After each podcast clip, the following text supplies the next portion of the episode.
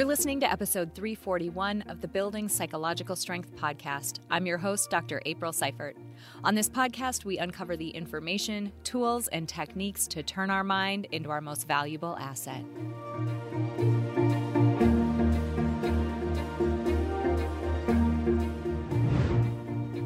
Hello, friends. Welcome back to this episode of the Building Psych Strength podcast. I'm Dr. April. I'm your host, and I'm so happy you're here. It's actually a really fun episode because this episode is coming to you while I am on vacation.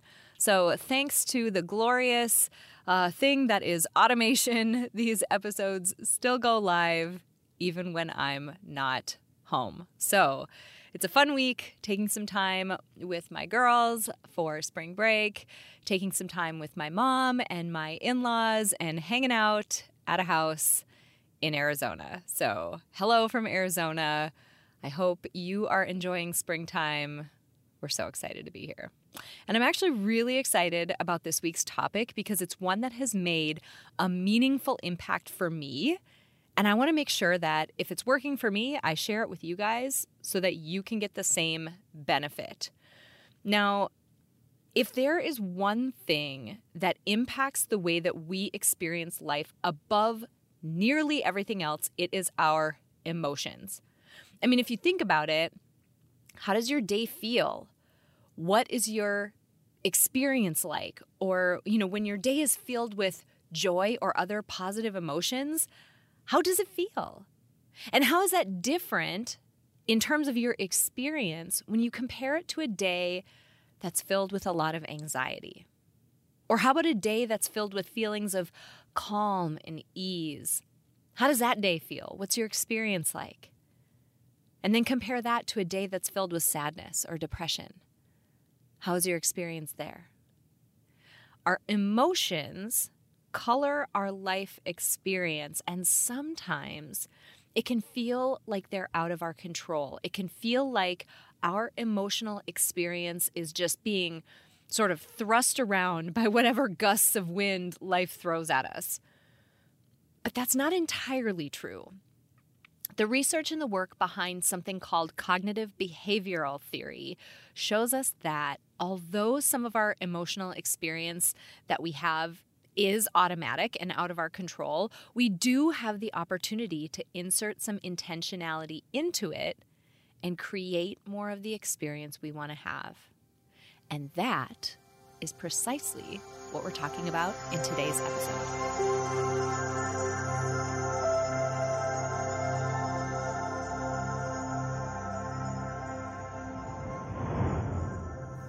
All right, friends. So if you think back in episode 338, I talked about a practice that I regularly use to figure out what it is that I truly want out of life. And I provided a free guided practice so that you can try this exercise too. And the punchline this is something I do on honestly more regularly than even on a monthly basis. It's pretty it's pretty common for me to do this practice.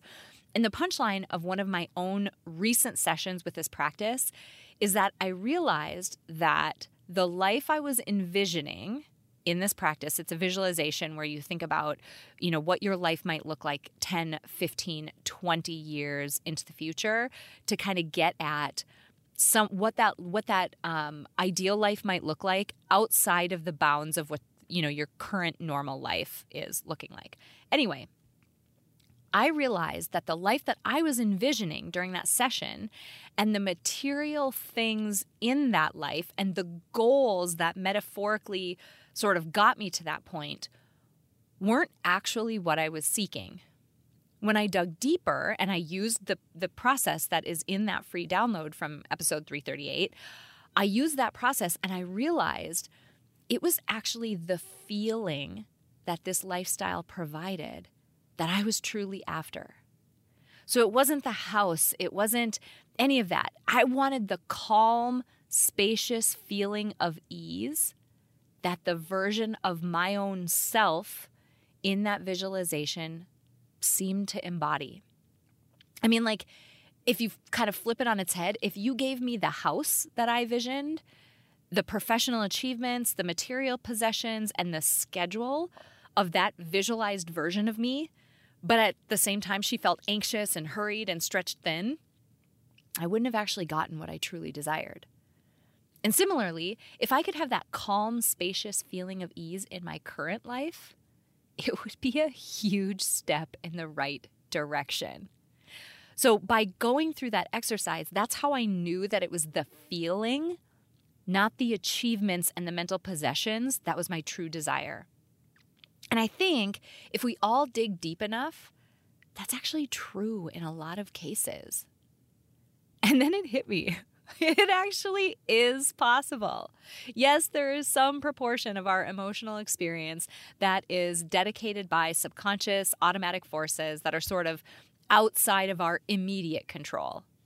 There's a caveat there that I need to go down a rabbit hole on a whole separate episode. Um, how we change some of those associations more in the long term.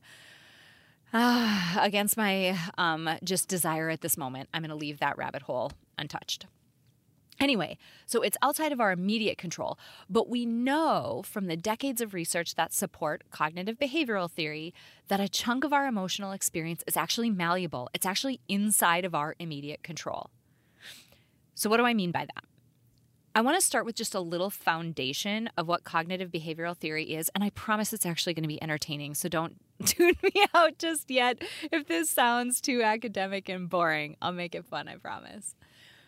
Cognitive behavioral theory at its core tells us that our thoughts, our feelings, and our behavior are in sort of this three way relationship with each other. They're in this intermingled dance of sorts. Our thoughts about a particular situation create our feelings, our feelings help direct our behavior, and this one's important our behavior then reinforces or discounts our thoughts. So, my partner in Peak Mind, Dr. Ashley Smith, she's a clinical psychologist and is brilliant and also just a fabulous human being and really great with analogies. She's got this great analogy for this that involves, bear with me, stepping in dog poop. Stay with me. I swear, I swear this is beautifully relevant. So, imagine, and actually do this.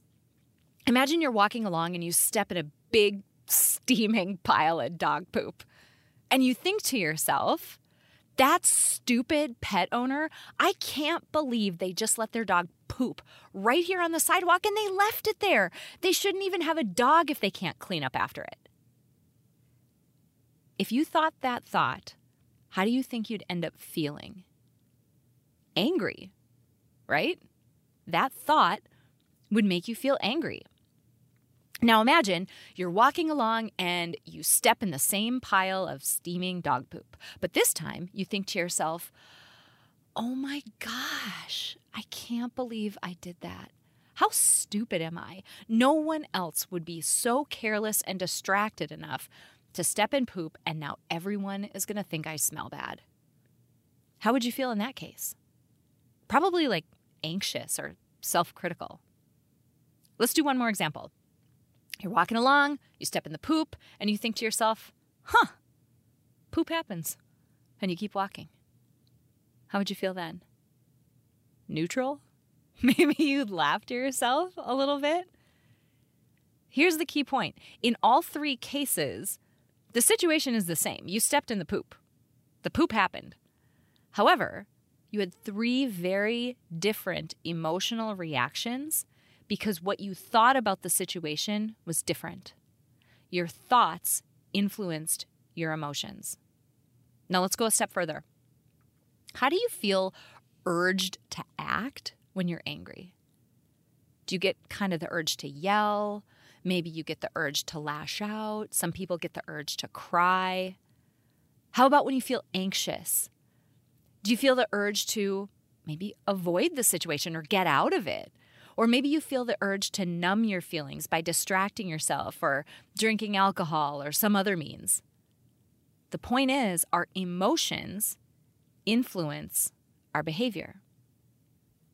Now, this next step that I'm going to talk about is key. Our behavior sends a strong message back to our mind to tell it whether it was correct or not let me give you some examples. So, if you're in a situation that you know leads to thoughts that make you feel anxious or afraid, and you run away, let's say you're going to do a public speaking event, right? Tends to make a lot of people feel anxious. If you run away or you cancel that event, that behavior sends a strong signal to your mind to tell it, Ha, you're right. See, we were in danger. We're running away. Your mind doesn't have eyes, it can't appraise the situation that's going on. It's doing its best given the cues that it can take in, but your behavior is telling it whether it was right or not. And if it thinks you're in danger and makes you feel anxious and you run away, you're telling it that it was right. What's going to happen the next time? The next time you're in a similar situation, you're probably going to feel even more anxious. Or maybe the anxiety is going to set in even faster. Now, on the flip side, same situation.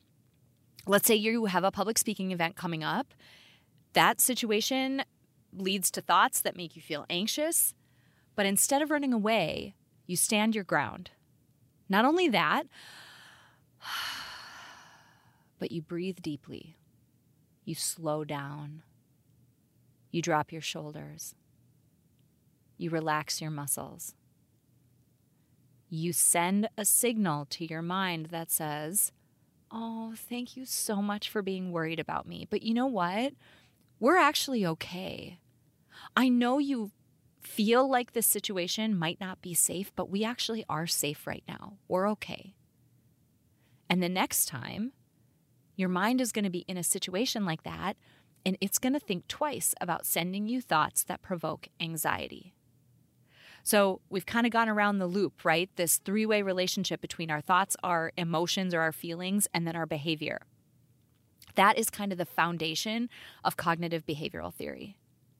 And with that foundation in mind, I want to just hit quickly on how you can put this into practice in your life. I want to go back to my most recent experience with that visualization that I gave you guys in episode 338. I wanted to go back to the desired state that I was after. So I sat in that visualization. I put myself in the position of imagining myself 20 years in the future. I imagine the home that I'm in. P.S. It is on a, an amazing kind of chilly New England beach. It's not like a tropical beach, it's like a beach where you have to wear a sweater to walk outside. The air is kind of cool and damp. I'm eating lobster. I'm in a beautiful home that's full of cushions and comfort and squishy things to sit on. I have time to read. I have time to take my time and move through my day. So, that's the lifestyle that I pictured. But then I went through the exercise that is in the download that accompanies episode 338. And essentially, you're asking yourself, okay, why do I want that lifestyle? I mean, part of it is that I just enjoy lobster and it tastes really good. so, okay, there's that. But when I put it all in a whole, when I think about the lifestyle sort of from 10,000 feet and look down on it, ultimately, when I spent enough time asking the question, why? What I realized is that what I was really after was the feeling of ease and spaciousness that this version of myself in the future seemed to have.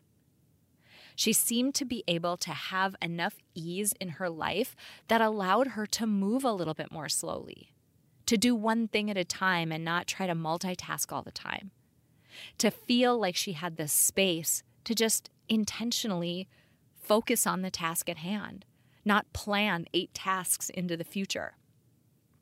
And then I asked myself a magic question. This is a magic life design question. How might I have that now? How puts us into a stance of action. We're trying to problem solve. That's what the word how signals to us.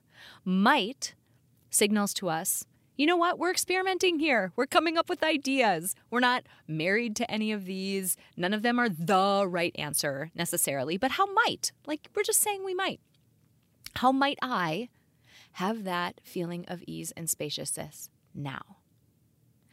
And what was funny is, like I said, I know how I could have that now.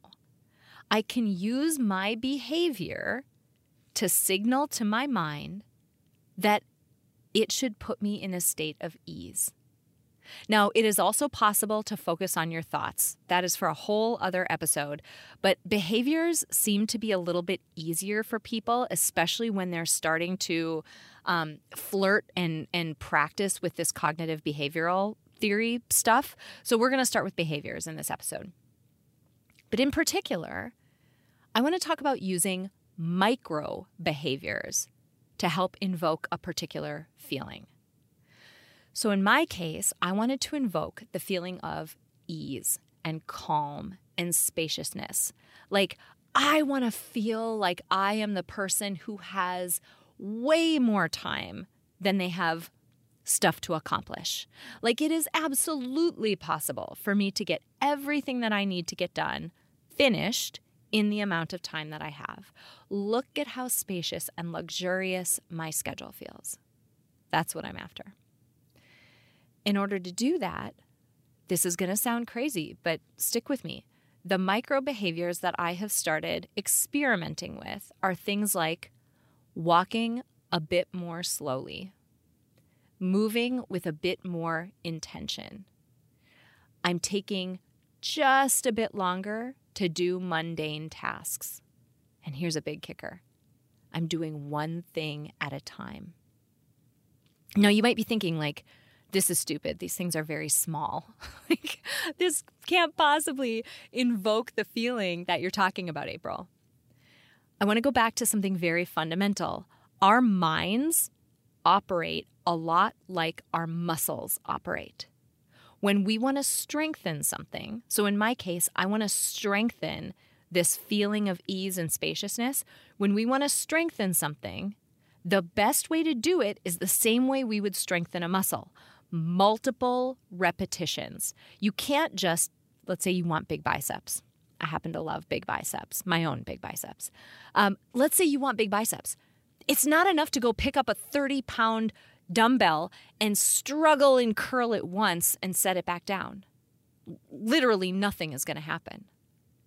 But it's through the repetitive reps, the repetitive, even smaller weight, less weight those repetitive reps consistently strengthen that muscle over time. Similarly, we can train our mind to move in the direction that we want to, in my case, toward feeling spaciousness and ease. We can train our mind by doing multiple small reps over and over. So let's go with a couple of examples to, to kind of drive home this weightlifting you know analogy. I could make one big sweeping change. I could cancel an obligation that i agreed to.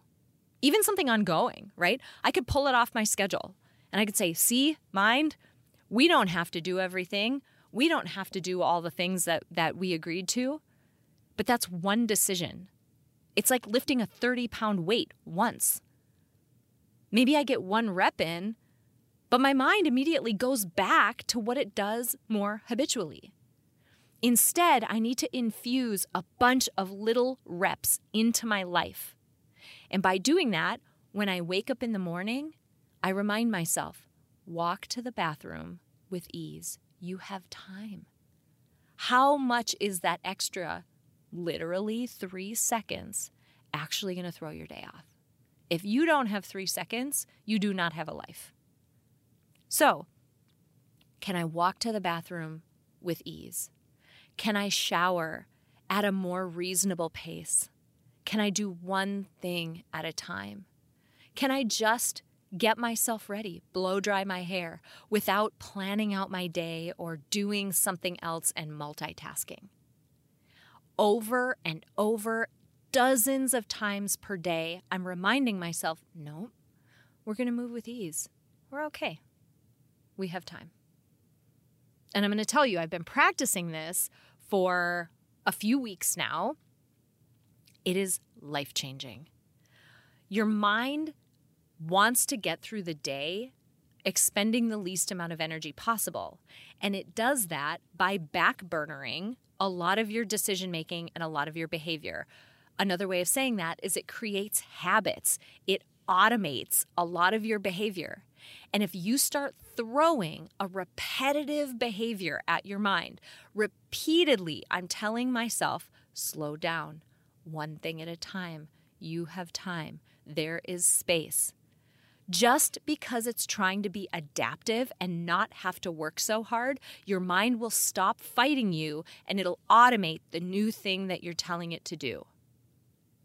So give your mind the point here with these micro behaviors is give your mind a bunch of signals, little signals throughout the day, small things. They stack up. So, how about you? Have you done the exercise in 338? If you haven't, go get it. This is your life. You should know what you want. Go figure out what you're after. And if you want to stack this episode on top of that one, really pay attention to the feeling that you're after. And then think about how might you, magic question, how might you use micro behaviors to cultivate that feeling in your life? You are going to be shocked at the difference that it makes. I already am. It's been amazing. All right, stick with me for just a couple more minutes. I've got a few additional resources. They're really great. Hang out for a second and I'll be right back.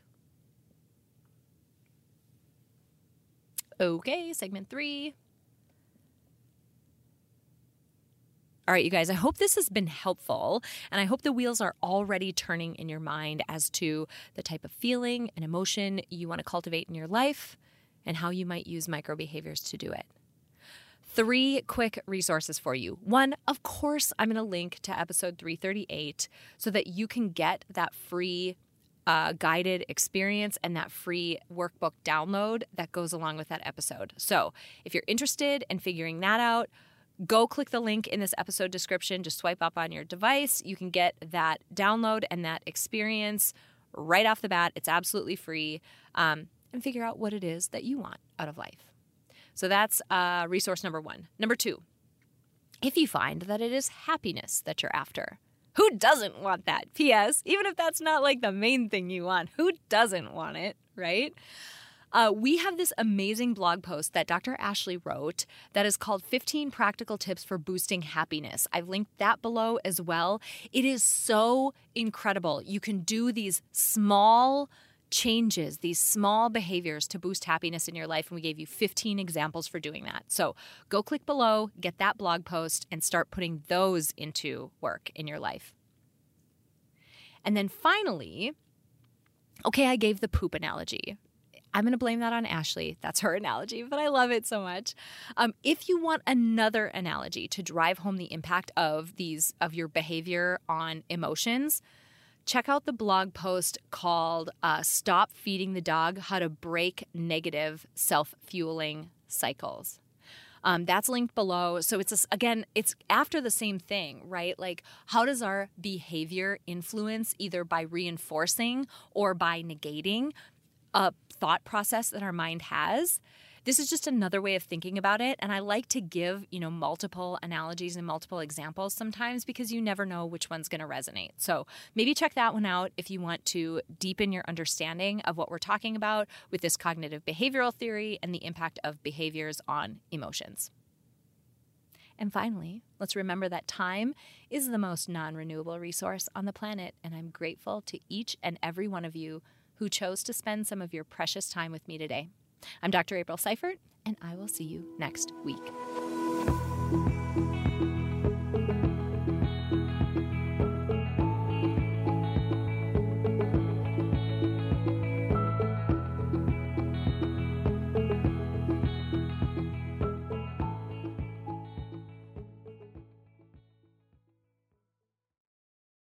At Parker, our purpose is simple. We want to make the world a better place by working more efficiently, by using more sustainable practices, by developing better technologies, we keep moving forward. With each new idea, innovation, and partnership, we're one step closer to fulfilling our purpose every single day. To find out more, visit parker.com/purpose. Parker, engineering your success.